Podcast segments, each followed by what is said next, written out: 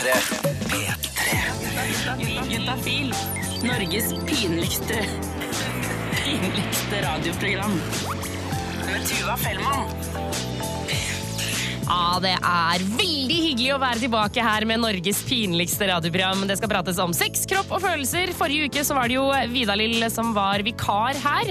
Hun fikk jo en liten oppgave eh, om at hun på en eller annen måte skulle snike inn ordet slufse, eh, for det er jo et av mine favorittord når det kommer til sex, kropp og følelser. Eh, og jeg spurte henne en dag hvordan det, hvordan det hadde gått, eh, og da eh, fikk jeg høre dette her. God torsdag. Jeg håper at hodet, kroppen og slufus er på topp. Vi holder det juntafil sexy på P3. det liker jeg godt, altså. Men nå skal vi, vi er tilbake i vårt eh, rette element. Jeg gleder meg masse til å være her to timer fremover sammen med deg. Det blir eh, pinlig preik hvis du har noen spørsmål om sex, kropp og følelser. Kanskje du eksempel eh, har fått hår noe sted som du tenker sånn Hæ, skal det være hår her? Kanskje det lukter litt rart? Eller har det begynt å lukte veldig godt? Eller kanskje du har begynt å tenne på lukt? Kanskje du er forelska i noen som du føler at du kanskje ikke burde være forelska i? Alle disse spørsmålene som ligger og bobler inni kroppen din, ja, de kan du sende inn til Juntafil nå. For Nils Petter fra Sex og Samfunn han sitter straks klar i studio og skal svare på eh, så mange spørsmål han greier. Det du gjør, det er at du tar frem mobilen, sender du inn til 1987, kodeord juntafil. Altså ikke P3, ikke det vanlige kodeordet vårt, men kodeord juntafil. Og så eh, ta gjerne med kjønn og alder, så vi får en liten pekepinn eh, på hvem du er, og så stiller du ditt spørsmål. Og her er det ikke noe vits å legge noe imellom, folkens. Det er ikke noe, det er ikke noe vits å liksom late som at du lurer på noe annet, eller si at det lukter litt rart når det lukter helvete, liksom. Altså, du kan bare si det som det er, og så spør om hva du vil, og så skal Nils Petter gjøre alt han kan for å gi deg et riktig svar. Jeg heter Tuva Fellmann, vi blir her frem til klokka sju, som sagt, og jeg gleder meg stort. Vi skal også spille masse deilig musikk. Jeg håper du blir her hele veien med oss. Juntafil hver torsdag fra fem til sju. Norges pinligste radioprogram. Eh, og radioprogrammet Juntafil, Norges pinligste radioprogram. Jeg heter Tuva Fellmann og har fått besøk av Nils Petter fra Sex og Samfunn. Velkommen inn i studio, Nils Petter. Hei, hei. Takk. Hei, hei! du, Sex og Samfunn er en gradsklinikk som ligger i Oslo. eh, hvor dere jobber med sex, kropp og følelser hver eneste dag. Det syns Ja. jeg er veldig fint, da. Eh, Det er jeg glad for at dere finnes. Ja, det syns vi òg. Eh, og så er det jo ikke sånn at alle bor i Oslo, så eh, dere har jo også en nettside, sexsamfunn.no. Der er det en chat som er oppe mandag til torsdag, fem til åtte. Eh, og så kan du stille spørsmål til 1987 kodeord juntafil mens vi har sending, for da sitter jo du her og svarer. Ja. Eh, skal vi bare gønne på, eller? Gønne på. Vi gønner på. Vi fikk nettopp inn en SMS her fra gutt25 hvor det står Hei, er det mulig å få klamydia av dårlig hygiene? Av dårlig hygiene? Ehm, artig spørsmål. Ja. Uh, ja. Um, for jeg tenkte klart nei, liksom. må liksom alltid tenke meg om når det kommer sånne spørsmål. Ja. Um, altså, dårlig hygiene altså da i utgangspunktet ikke. Og så spørs det jo litt sånn om uh, Er det gjort så veldig mye studier på akkurat det? Det tror jeg ikke. Eh, men sånn generelt sett så eh, vil jeg egentlig si nei. Altså, men, hvis- men, men, men så er det noen ting med at uh, i medisin så kan vi liksom aldri si ting helt sikkert, da. Ok, sånn, er fordi, ja, men fordi at ja, alt kan skje, på en måte. Ja. Men, men sjansen for at man får klamydia og ikke vasker seg, den er ikke, så, den er ikke til stede. Nei, det er ikke noen ting som vi egentlig Det har ikke jeg vært borti, det, det vet vi ikke noen ting om. Om man eh, ikke vasker seg, at det gjør at du mer får kjønnssykdommer? Nei. Hvis for eksempel si at det er et kjærestepar, og Mm. eh, det kommer noe klamydia inn i, inn i paret der, og så sier, blir det stilt spørsmål har det vært noe utroskap. Nei, det er nok bare det at han har så dårlig hygiene, så han har nok skapt sin egen klamydia. Ja, altså det Nei. Nei, ok. Nei. Vi har også fått en, en SMS her hvor det står Hei, gutt 21 her. Hender at jeg blir rød mellom benet og rota på penis, bakover og opp mot rumpa. Blir bra igjen etter at jeg har smurt med hudkrem. Dette kan være lenge, og så kommer det tilbake. Kan det være en allergisk reaksjon, eller burde jeg være bekymret? Eh, ja, det kan det være. Eh, det kan Altså, det det oftest er, det vi kaller for intertrigo, som er en sånn soppinfeksjon. Fordi vi har alle sopp på huden sånn helt naturlig. Mm. og hvis at det blir litt for varmt og litt for fuktig, så vil tropp, eh, troppen. Troppen av soppen Tropp, soppetroppen? Eh, Soppetroppen den blir mye større, og så blir det overvekst av soppen. Og da blir det rødt og hissig og klør. Gjerne kan også begynne å svi en del også. Okay. Og det er helt sånn typisk at det blir liksom i skrittet, eh, under brystene, i armhulene og i rumpesprekka. Men Bør man gå til legen for dette? Ikke hvis at det er veldig mildt og på en måte forbigående og, går over av seg sjøl, så er det sånn kjempevanlig. Men eh, hvis at det er veldig hissig og begynner å bli vondt og det varer i ja, mange dager, kanskje et par uker, og ikke blir noe bedre, så bør man eh, ta en tur til legen for å få en eh, form for behandling for det. Og så er det en sånn typisk ting, da, eksempel sjekke om du har bytta vaskemiddel på boksershortsen i det siste, eller lagt i jeg vet jo om en fyr som tok i altfor mye sånn tøymykner, og fikk så dilla på tøymykner, og Ja. så bare klødde det på hele kroppen etter hvert. Og bare pøste på med tøymykner. Ikke sant? Fordi det var det som var hovedspørsmålet også, om det kan være det. ikke sant? Og det, det kan det være. Det kan være en allergisreaksjon, en sånn kontakteksem kan det også være. Ja. Eh, så det, det er liksom veldig mange ting som hvis man plutselig har begynt å bruke et nytt plagg, og så har bare plutselig kommet, så bør man begynne å se litt om det er det som har utløst det. Okay. Hvor jeg fortsatt har besøk av Nils Petter fra Sex og Samfunn. Vi sitter, ja, sitter og tegner og ordner og styrer her, vet du. sitter og danser. Sitter og danser. Eh, vi tar for oss spørsmål som eh, kommer inn til 1987, kodeord eh, juntafil.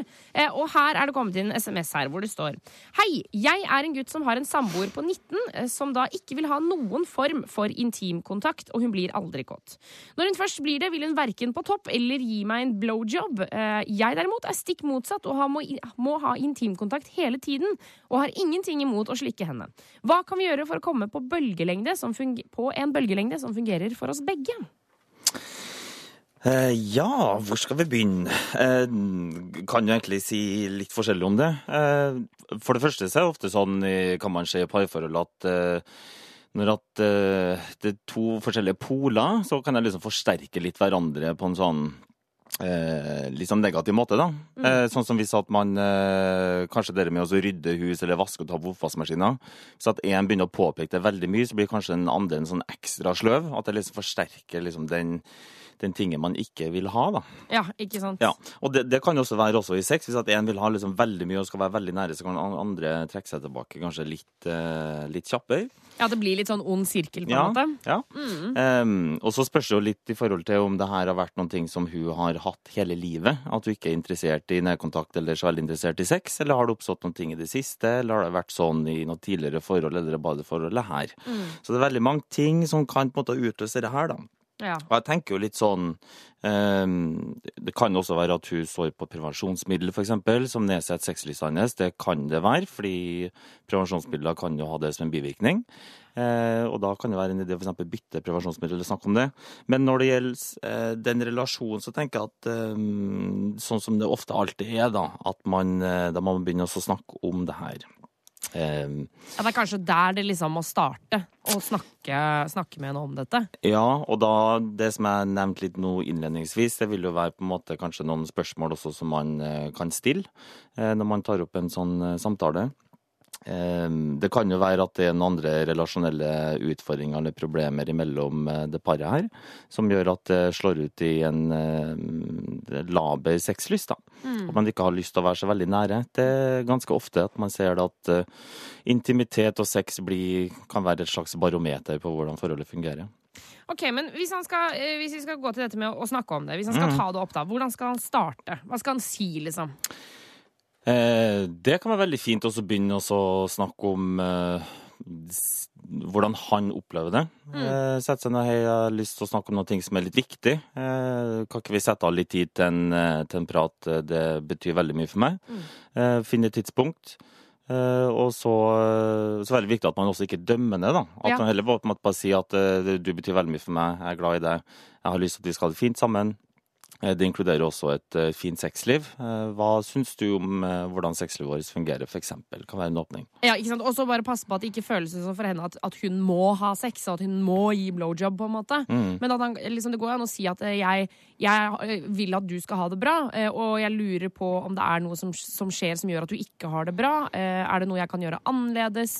Fordi jeg tenker jo sånn, Begge de to tingene som skrives her, da, både det å være på topp, altså ri gutten, og gi en blowjob, er jo også to ting som er ganske sånn det er ganske sånn uh, på, da, når det kommer til sex. Uh, det, er, eh, liksom, ja, det er veldig eksponerende. Det er veldig Det er litt sånn 2-0 på sex, det er ikke misjonærstillingen. Så det kan jo hende at det rett og slett er for mye for henne.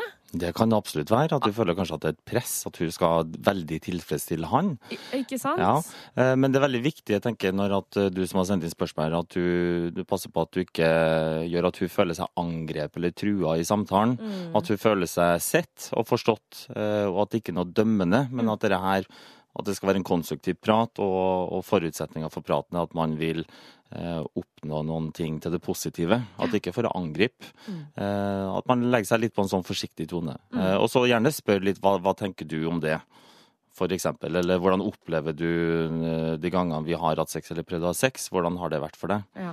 Og så tenker jeg også sånn, kanskje eh, du, gutt 24, kanskje dere kan prøve å gjøre noe som ikke nødvendigvis er sex. Eksempel bare kose, kline, gi en massasje. Gjøre litt sånne ting som ikke eh, nødvendigvis er penetrering eller suging eller slikking. Altså at det er litt sånn roligere, da. Og at det ikke er nødvendigvis et mål om sex, men bare et mål om å ha det hyggelig og kose. Mm. For da kan det jo hende at plutselig så er det noe som skjer som gjør at eh, ja, at stemninga endrer seg, eller at det endrer seg over tid, eller noe sånt noe, da. Mm. Og det som også kan være eh, Det som kan være litt fint en gang også, det å få snakka også med en tredjepart. Og der finnes jo også både på helsestasjoner f.eks. også på Sex og samfunn, så har man også muligheter til å, til å få snakka med helsepersonell akkurat om det her. Enten alene eller også som et par. eh, Hvor man også kan tilby sexologisk rådgivning hvis at begge er interessert i det. Men, men det, det er i hvert fall en start også hvis man føler at man blir litt sånn fastlåst med partneren. Ja. Eh, masse lykke til. Eh, vi skal svare på flere spørsmål eh, etter hvert. Nå blir det musikk her på P3 straks. Jonny og Onkel P, men aller først Anna of the North. P3. Du hører på Juntafil, Norges pinligste radioprogram. Jeg heter Tuva og um, gjør vel min fair share for å gjøre det pinlig. Men jeg har jo også med meg Nils Petter fra Sex og Samfunn. Du gjør din del du også, Nils Petter. Jeg prøver nå i hvert fall. Du gir din beste innsats. Ja. Det, er for, altså, det er jo ikke bare for moro skyld, men det er jo rett og slett for at vi snakker om sex, kropp og følelser. Folk syns det er himla flaut. Hvorfor, hvorfor, hvorfor det, tror du? Altså, det er vel litt sånn eh, Veldig sånn personlig, da. Ja. Med kropp og i hvert fall eh, de intime sonene på kroppen. Og det er jo kanskje det som gjør at det er litt så morsomt. Ja, ikke sant, men det Kanskje hadde det liksom vært helt uh, flatt, hadde det kanskje ikke vært like spennende. heller da. Nei, ja, det er godt poeng. godt ja, poeng. Det skal være litt flaut. Fnising skal det være uansett. Um, vi har fått inn et spørsmål eh, fra en gutt på 18 år hvor det står Hei, juntafil, kan man få mindre penis av å sitte for mye i boblebad? Nei. Det, nei. Er du sikker? Ja. 100 ja. Men uh, altså, det er mye sånne artige myter. Eh, men altså, vi snakker jo her om eh, erigert penis. Altså, hvis vi skal snakke, snakke om slapp penis, vi kan jo snakke litt om det òg. Okay. For den er jo kjempevariabel. Så enhver eh, Guds penis endrer jo kjempemye i fasong og størrelse ut ifra hvor slapp den er og hvor stiv den er. Ja, sånn, ja. Men ja, ja. jeg, jeg tenker, han her tenker vel på om det kan bli mindre liksom, eh, over lengre tid. Ja, nei, det blir det jo ikke. Ok. Nei. Men hvis du går opp i boblebadet med en stiv en, og så setter du den ned, så kan jo den da eh, kanskje ikke er så stiv lenger, og så da vil den jo bli mindre, for eksempel. For eksempel. Ok. Ja. Men, men det er ingen bekymring av å sitte for lenge i boblebad? Bare sett deg i boblebadet, det går helt fint. Kos deg! Eh, Det er også en som har sendt en SMS hvor det står Hei, jeg hadde sex med en dame på 45 i helga. Kan hun bli gravid? Brukte ikke prevensjon. Hilsen gutt 23. Ja, hun kan jo bli gravid. Eh, Det skal veldig mye til, da. Å ja, hvorfor det? Nei, altså noen ting med Når man er i den alderen, så, så er det vanskelig å bli gravid. Sånn er naturen styrt. Ja, sånn, ja. Eh, så det, det er liksom en sånn kombinasjon av at eh, det er veldig mange som blir gravid. altså Det er veldig mange svangerskap man også ikke vet om, fordi at eh, det, det skjer en befruktning. Eh, Men av en eller annen grunn pga. at er noe feilkoder og feil celledeling og dårlig match eh, sånn genetisk, så avsluttes svangerskapet fra naturens side. og Det kan være liksom etter bare noen få dager. Så det kan jo godt skje, men det at det skal bli på en måte et sånn fullverdig svangerskap når du er 45, det er ikke så Altså det absolutt kan skje, men det er mindre sjanse for det. Men jeg tenker jo sånn, gutt 23, det, eh, altså, det, det er jo dumt å ta sjansen. Det absolutt. Så det, det er ingenting jeg anbefaler å gjøre, nei. Det er det ikke. Eh, så kanskje du kan jo rett og slett ta kontakt med den damen da, og bare høre sånn eh, Er alt fint? Eh, Forresten, prevensjon og sånn, burde vi snakke om det? Eh, altså, det går an å ta en prat på, på sånne ting, selv om det skal jo egentlig ikke ha, ha noe å si at hun er 45 år. Tenker jeg i hvert fall. Man burde kunne prate sammen for det. Ja, og så tenker jeg at uh, hun som er 45 år, uh, har nok sikkert tenkt litt på tanken selv, og eventuelt om hun da har tatt en sånn uh, nødpille, eksempel. Ja, hun Eller har nok-. Hun har nok uh, Hun har vært gått- de tankene her før, vil jeg tro. Ja, hun har Ja. gått denne runden Så før. har sannsynligvis tatt ansvar for den biten. Okay. Det vil jeg tro. Um, vi skal svare på flere spørsmål i løpet av sendinga. Nils Petter, du blir her helt frem til klokka sju i kveld. Jeg har du tenkt det? Ja, det er bra. Det er bra Du, kan, du kan også stikke inn på sexsamfunn.no. Der er det altså en chat som er oppe til klokka åtte i dag. Em, og det at gutter opplever orgasme i søvne, det er noe vi ofte hører om. Det er vanlig. Det er, vi får det gjerne inn i seksualundervisninga. Snakker man mye om det. Litt mindre oppmerksomhet har det kanskje vært på at jenter gjerne opplever det samme. For alle kan ha våte drømmer, men så er det jo det med drømmer, da. At de handler ikke nødvendigvis om den personen du skulle ønske. Veldig, veldig, veldig veldig, veldig rart. Litt ubehagelig. Eh, og litt nytt. Jeg blir åpen for det meste, men, men Donald Trump er på en måte er å gå over grensen, da. Ja, det er noe rart med hjernen vår som gjør at den tar alle mulige hendelser og personer som vi ser i vårt daglige liv, og kobler det til andre ting som vi tenker på, som eksempel sex. Så plutselig så står du da, som Thea her, på en scene i størrelse type Telenor Arena foran en naken Donald Trump. Det var en konkurranse husker jeg, i drømmen. Vi sto på en scene, og så var vi fem lag. Og så var det min tur til å være representanten.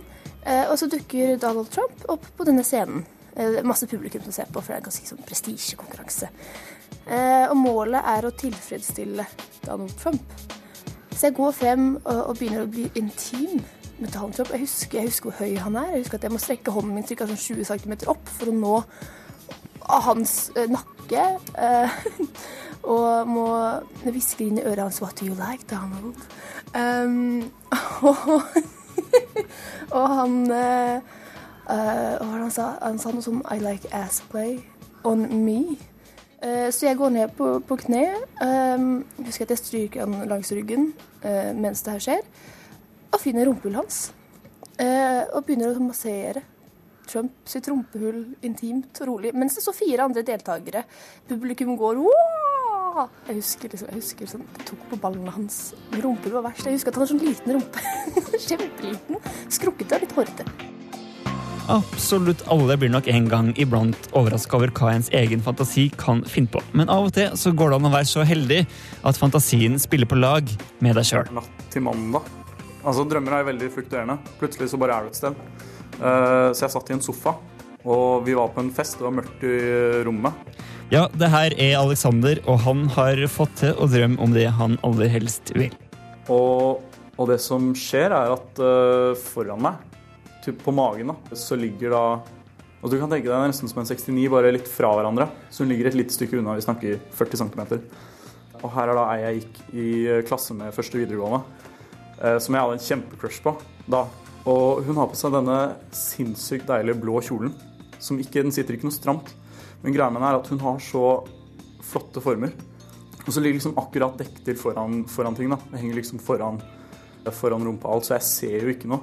Men så ser hun på meg og bare trekker kjolebiten som er foran høyre putt i sida. Det er bare helt Det er, noe av det sjukeste sjukeste, deiligste jeg har vært borti. For det er ikke alltid at, at disse drømmene her gjør det jeg vil. Det, det, ja, det var jo ikke jeg som ble tilfredsstilt. Eh, Jeg fikk jo ingen nytelse ut av det her. Drømmer hvor jeg selv ble tilfredsstilt, det er mye, mye bedre. Det merkeligste følelsen er å våkne av, av, sånn, av en ja, oppbyggende orgasme. Kjemperart. Veldig deilig. Det er en veldig sånn rå følelse når man bare Det er bare det det er fokus på. Så det er ikke pornografi, eller det er ikke sånn å måtte fingre for å komme eller sånt. Det er bare den rene følelsen. Og så begynte hun å brette opp kjolen. Jeg er så nær. altså Vi snakker to centimeter unna og, og penetrerer, og så våkne. Altså, det, er, det det kjipeste som skjer, ikke sant? for du er, du er der. Du er våken ikke sant? i drømmen. Det er så ekte. Og så våkner du opp og, innser at shit, jeg skal på skolen om en halvtime. Ja, det er røffe greier. Eh, Og hvordan du kan få kontroll over en våt drøm, og hvorfor det er sånn at vi mennesker kan få orgasme i søvne, det skal du få vite rett etter What Do You Love. Akkurat nå så handler det om våte drømmer. I stad så hørte vi Thea og Alexander eh, fortelle om det å drømme om sex. Eh, Og Alexander han har funnet ut når det er lettest mulig å gjøre nettopp det. Altså De, de, de villeste eller de, de, de beste eller mest beskrivelsesfulle drømmene du har, det er jo de du har når du slumrer og sovner, og så sover du i en times tid. ikke sant? For ikke sant? Dette er jo ting som har bygget seg opp. Dette er ting man har hatt lyst til å gjøre, men ikke har kunnet gjøre. Og så kommer disse drømmene og, og, og, og åpner seg opp. da. Jeg husker eh, ikke hvem hun ene var, men hun andre gikk jeg på folkehøyskole med. Nei, da var hun kliss, eh, kliss naken. Uh, og, og bøyd over et bord, faktisk, mens hun uh, trakk rumpeballene til sida. Uh, og, og det er en veldig estetisk tilfredsstillende ting. Det der med, med, med å trekke rumpeballene til sida, syns jeg. Så, så alt var jo fantastisk, egentlig. Klimaks i drømmen det er ikke det å komme. Det er ikke klimaks sånn sett. Det er, det er det å få satt i gang, det å få pult. Eh, og der svikter eh, hjernen min meg. Nesten hver eneste jævla gang. Og det er så kjipt. Så da våkner du bare? Da våkner jeg. Da har jeg en tendens til å våkne. Sånn er det altså for Alexander. Og mange tenker jo at det her er en sånn typisk guttegreie. Det å få ereksjon i søvne, og ikke minst det å få orgasme i søvne. Men det gjelder for all del for jenta også. Og Nå fikk jeg lite, lite flashback til en sånn drøm. Å, shit. Jeg tror jeg drømte meg jente. Og da var jeg ganske ung. Det var før jeg på en måte hadde funnet ut at yes, jenter er noe jeg liker også. Jeg tror det var ei jente jeg gikk på skolen med. Um, og jeg tror hun altså sånn hun bare Hva heter det for noe? Seduced me. At hun forførte meg. Uh, og det tror jeg syntes var innmari spennende. Kanskje det var starten av min liksom, bifile karriere. det var den ene drømmen der. Men da, ja, nei, da, da våknet jeg av denne gjenbyggende orgasmen som, som kom. Da tror jeg jeg var ganske noob på orgasmer generelt òg, fra ganske tidlig. Så det kanskje det var første. Og det er en del ting som jeg lurer på om våte drømmer, så derfor ringte jeg like greit til sexolog Espen Ester Pirelli Benestad. Når vi drømmer, når vi er det som heter rem-søvn, så aktiveres kjønnsorganene. Så eh, kvinners skjeter blir våte, og klitoris reiser seg, og penis reiser seg. Men jeg lurer på hvorfor man så ofte hører om guttas utløsning i søvne og morgenbrød, men så veldig lite om det samme hos jenta. Det er nok, tror vi, sånn at hvis eh, kvinner var litt mer oppmerksomme på å undersøke seg selv, så, så ville de nok også registrere mye mer av det som noen få har kalt en morrabolle. Morrabolle, altså. Ja. Og vi hørte jo i stad at Alexander fortalte om at han til sin fortvilelse alltid våkner rett før sexen i drømmen starter. Men han har lært seg et lite triks der han klarer å komme tilbake i samme drøm. Det tok et par sekunder. altså. Du lukker øya og håper og håper, og håper, og så forsvinner du litt, og så er du tilbake. Eh, Så la hun seg på ryggen, og så fortsatte jeg der. og så, Hun var så med på det. Hun var så på, hun visste akkurat hva hun ville òg.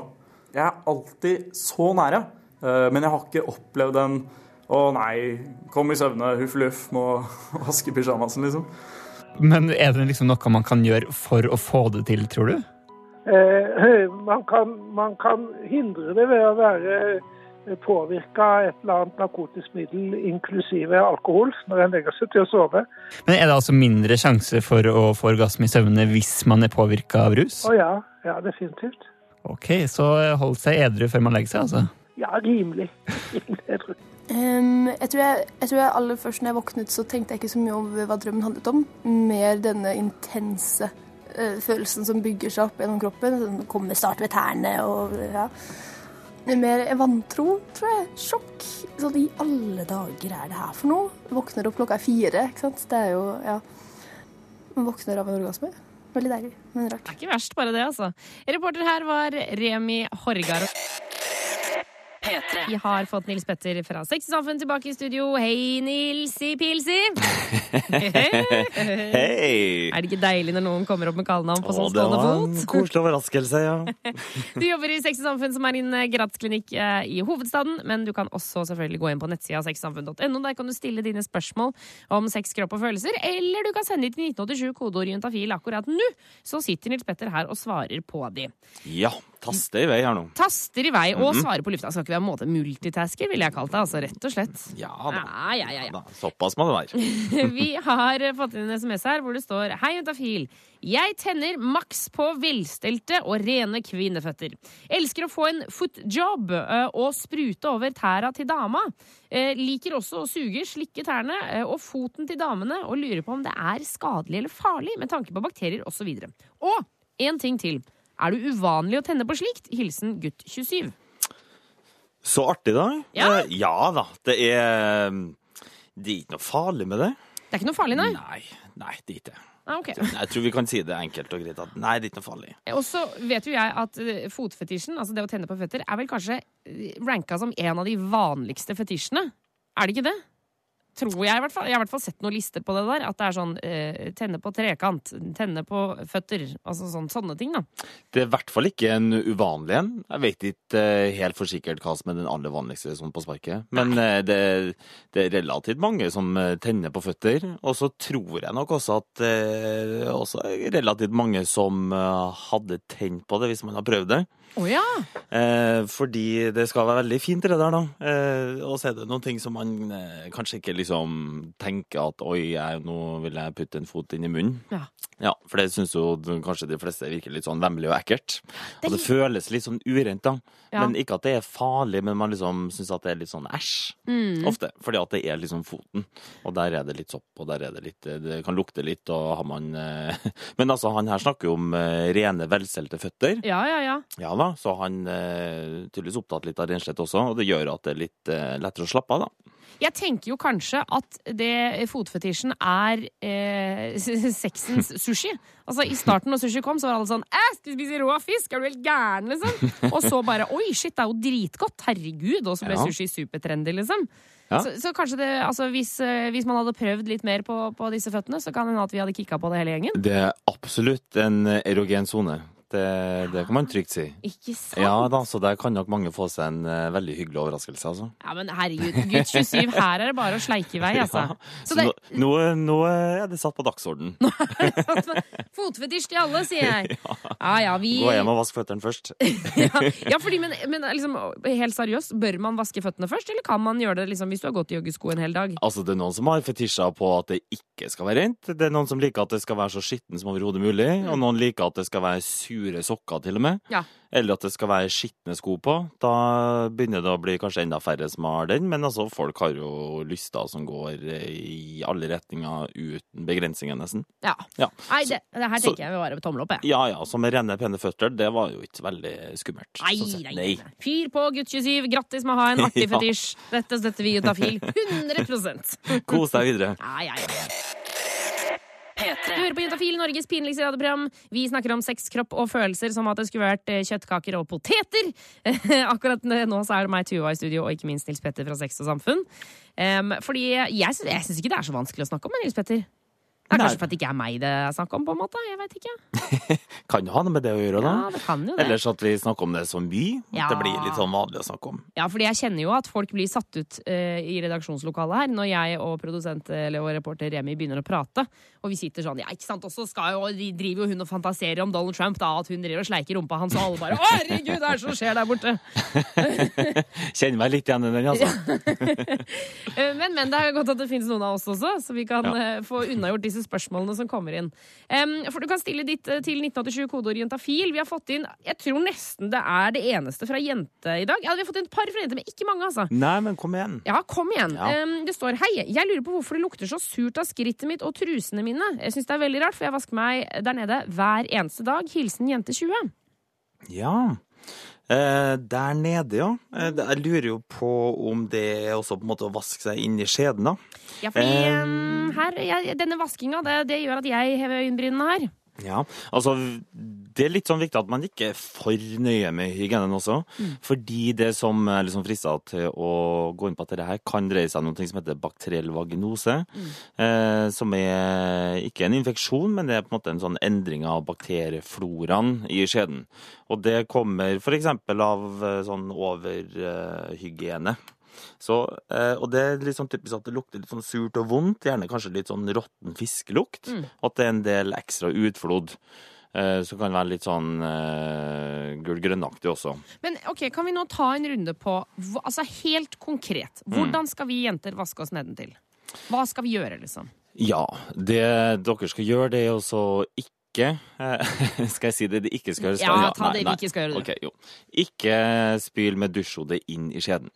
Ikke spyle med dusjen. Og da, da, når du sier skjeden, da tenker du på altså, Inn man- i vagina. Ja, ikke sant? Man har kjønnsleppene. Der Ja. kan vi vaske, eller? Ja, så det vi bruker å si, altså når man står i dusjen, så la vannet renne nedover. Så ikke noe nødvendig å så spyle opp og, og trekke kjønnsleppene så veldig mye til side og spyle liksom innover skjeden. Det trenger man ikke. Nei. Fordi da ødelegger man litt av de, eh, den floraen som skal være der. Det skal være eh, et surt miljø i skjeden, og det forstyrrer man når man bruker vann. Ja. Og også såpe, så ikke bruk for mye såpe. Det trenger man heller ikke å gjøre. Og eventuelt litt sånn intimsåpe eller eh, pH-nøytral såpe, eller olje f.eks. Hva slags Altså- olje da? Sånn eh, pH-nøytral olje. Ja, okay. In, Intimolje, heter Ikke extra virgin oil. Nei, altså det er ikke noe farlig å bruke det heller, men eh, sånn for å vaske seg, så er det mer Det finnes jo masse sånne vaskeolje, da. Ja. Sånn istedenfor såpe, for såpe kan være litt sånn uttørrende og irriterende. Ja. Med at det klør litt og blir litt sånn irritert. Nettopp. Så Mm. da vil bare si det her klart og tydelig til alle som driver og vasker inni skjeden og gønner på med såpe med lukt av roser og det som er. Altså, det, slufusen, den skal lukte litt slufus. Altså, det skal jo være sånn, men det blir bare mer hvis du vasker så intenst som folk holder på, da. Ja, og litt utflod, det er også helt normalt. Ja. Eh, Det skal man heller ikke bry seg noen ting om, eh, hvis det er litt rann. Eh, Og så er det noen ting med at eh, liksom Altså, Skjeden er en topp fabrikk som rydder opp i det aller meste sjøl. Ja. Der er det masse celler som driver på og ordner og styrer for at du skal ha det fint. Og jo mindre du roter med dem, jo enklere blir det for eh, skjeden å ta vare på seg sjøl.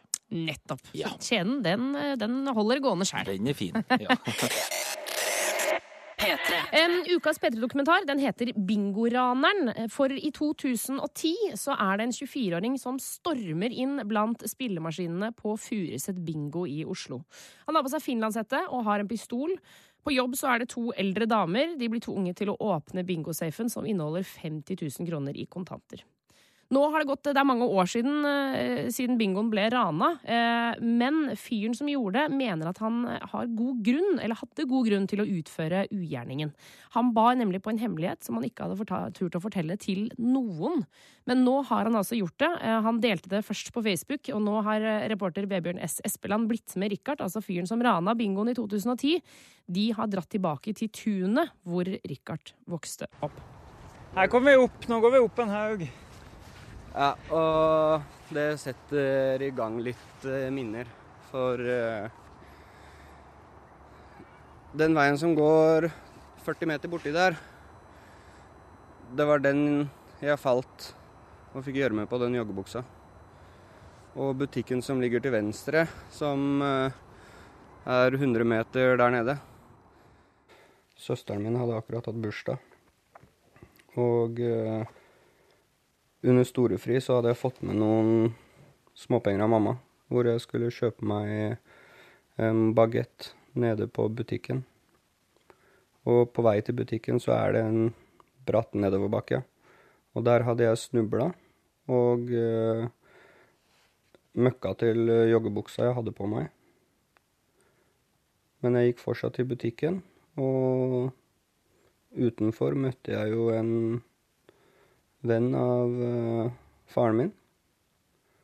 Og siden han var en trygghetsperson som vi tidligere hadde vært hos og spist godteri, spilt PC-spill, så når han sa da at uh, jeg måtte bli med opp for å skifte bukse, så gjorde jeg det uten å tenke over det.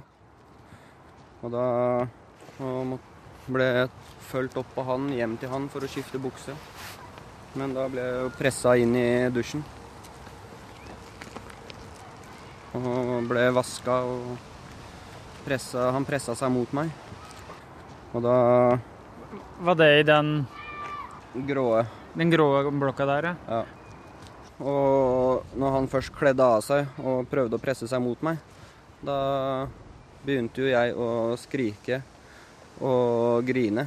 Og da tok jeg på meg buksa igjen og storma ut derfra. Og han prøvde ikke da å holde meg igjen. Og det er jeg veldig glad for eh, den dag i dag.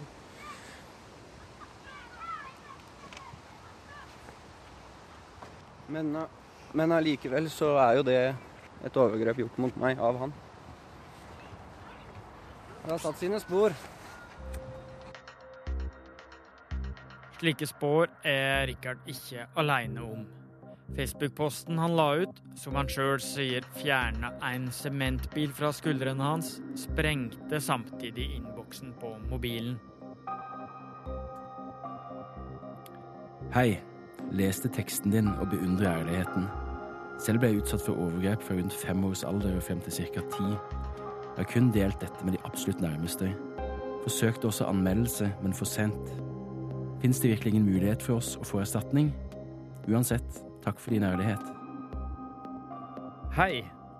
Sikkert mange som skriver til deg, men vi har lik historie og kan forstå hva du har gått gjennom. Pappa solgte meg rundt, dopa meg ned, slo og forgrep seg. Jeg hadde heroinoverdose på fredag i Oslo, der jeg fikk hjerte- og pustestans. Jeg er så glad for at du delte historien din. Jeg har sjøl blitt utsatt for seksuelle overgrep. I tillegg ble jeg utsatt for psykisk og fysisk vold. I mitt tilfelle var det begge foreldra mine som utsatte meg for det. Som 14-åring ble jeg psykotisk og trua folk og gjorde mye annet dumt. I tillegg så har jeg følt meg veldig aleine som gutt som har opplevd seksuelle overgrep. Så for meg hjalp det litt å se at det var flere som har opplevd det. Tusen takk for at du sto frem. Um, og vi skal høre mer fra denne P3-dokumentaren straks, uh, blant annet hvordan dette kan uh, utvikle seg videre til frustrasjon og aggresjon. Vi er midt inne i ukas P3-dokumentar som heter Bingoraneren. Eh, Det er en ganske tung historie eh, om Richard som nå er 31 år, eh, men som rana bingoen på Furuset i Oslo i 2010. Og For å forstå hvordan det her begynte, hvordan vi kom til selve ranet, så må vi inn mye tidligere i livet til Richard. I stad hørte du at han har blitt utsatt for eh, seksuelle overgrep av en venn av familien.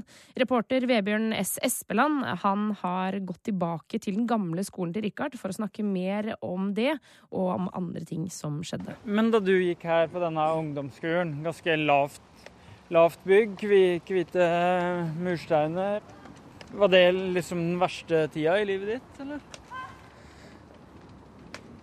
Mye av dagene på skolen eh, var eh, egentlig den verste tida.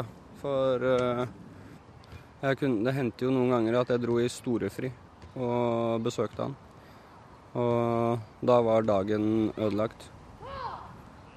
Han bor jo Bodde eh, en 500-700 meter den veien nedover bak skolen. Mannen som Richard snakker om, er en annen enn han mannen som lurte han med i dusjen. Ja, jeg var tolv og et halvt, nesten 13 år gammel. Og jeg har alltid vært en person som har likt å hjelpe til andre. Uh, hvis jeg har sett noen bære tungt eller trenger hjelp til gressklipping, snømåking, så har jeg hjulpet til. Kom i kontakt med en voksen mann utenfor en butikk og hjalp han med noen varer opp. Eh, Ble bedt inn i kjelleren. Eh, Skjønte egentlig ikke hvorfor jeg skulle være med inn i kjelleren. Men eh, der ble jeg da på en måte pressa opp i et hjørne. Og ble tvunget til å se på han onanere og så videre.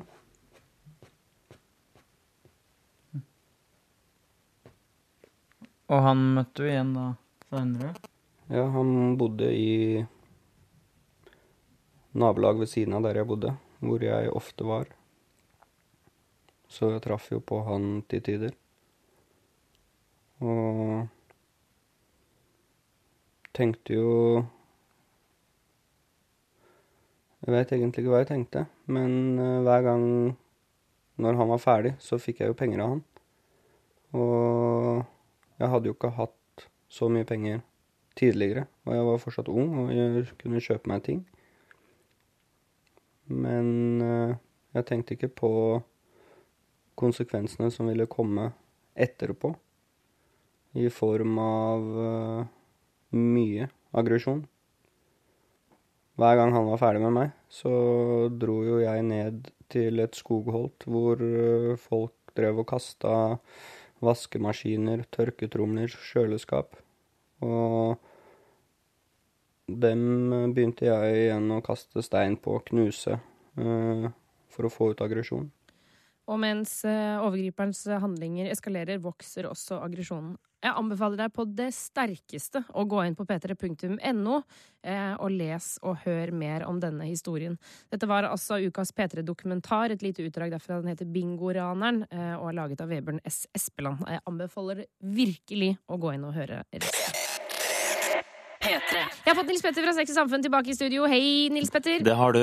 Hei. Du svarer på spørsmål som kommer inn til 1987, kodeord P3. Mm. Tiden går fort her i Juntafil, så vi må bare hive oss på et par siste spørsmål. Ja. Det er fra gutt 22, hvor det står Hei, jeg har lyst til å be med meg en jente på date. Eh, Det er ikke noe problem i seg selv, men hver gang jeg ser henne, så sitter hun på kassa i butikken. Eh, Det er litt for kleint å spørre mens hun sitter i kassa, eller, eller er det innafor? Tips eh, på hvordan det kan utføres, tas imot med takk. Skriv nummeret ditt på en matvare, og så beeper hun den gjennom.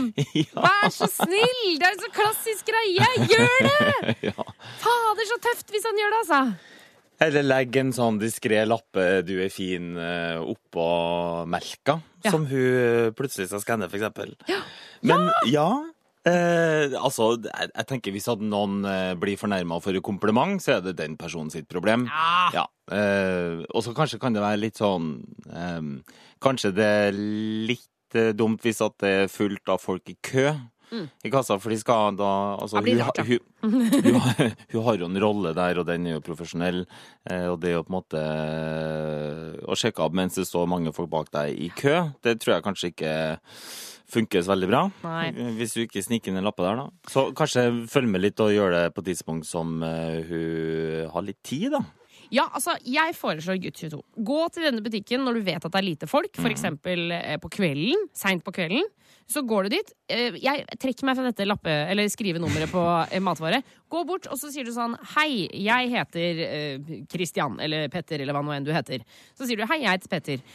Jeg vet at jeg tar en kjempesjanse her nå, fordi jeg har lyst til å invitere deg ut på date. Hvis du sier nei nå, så kan jeg mest sannsynlig aldri handle her igjen, men det skal jeg heller ikke gjøre. Har du lyst til å bli med meg ut og ta en kaffe? Jeg syns du skal bare gå så tydelig frem, jeg.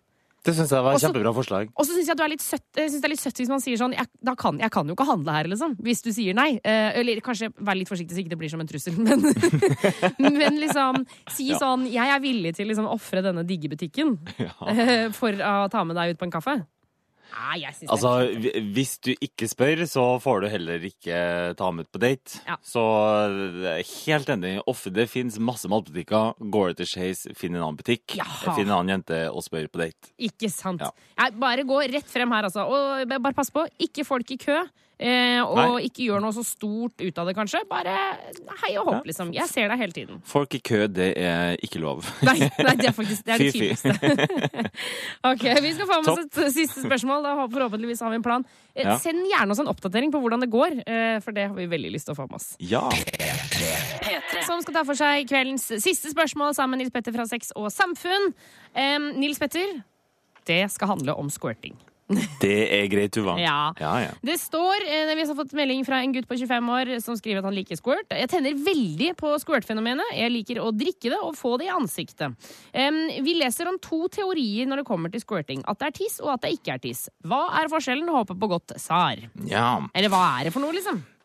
Vi vet dessverre egentlig for lite om det enda. Eh, Men det vi tror, det er det at det er noen kjertler som sitter eh, i eller like ved urinrøret.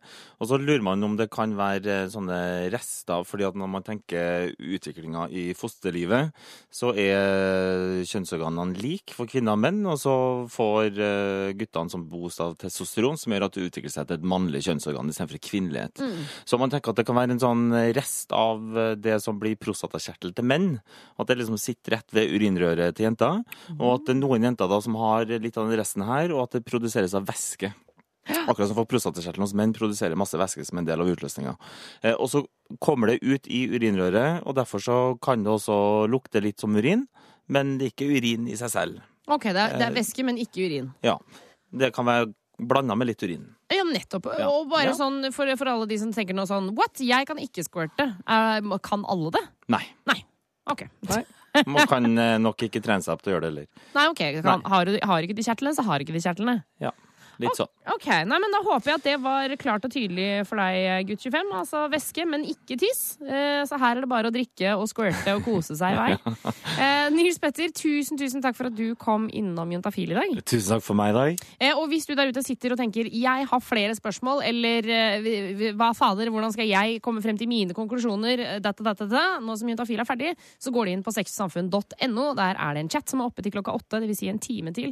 Så da sitter kollegaen til Nils Petter og svarer så svetten renner. Eh, Så der er det bare å fyre på, altså. Eh, Jeg heter Tuva Fellmann eh, og tenkte jeg skulle avslutte for i dag. Men har bare lyst til å si at hvis du har lyst til å høre denne sendinga en gang til, f.eks. da vi snakka om våte drømmer Jeg hørte blant annet Thea som fortalte at hun hadde hatt en våt drøm om Donald Trump. For det visste du kanskje Jeg er ikke sikker at du visste at jenter kan få orgasme i søvne. Det er ikke bare gutter som kan få det. I hvert fall har du lyst til å høre det en gang til.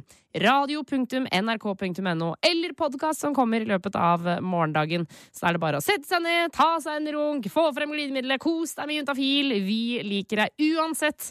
Jeg håper du bruker kondom hvis du skal ut og pøke i helga. Og nå får du Matilda. Ha det! Hør flere podkaster på nrk.no podkast. P3.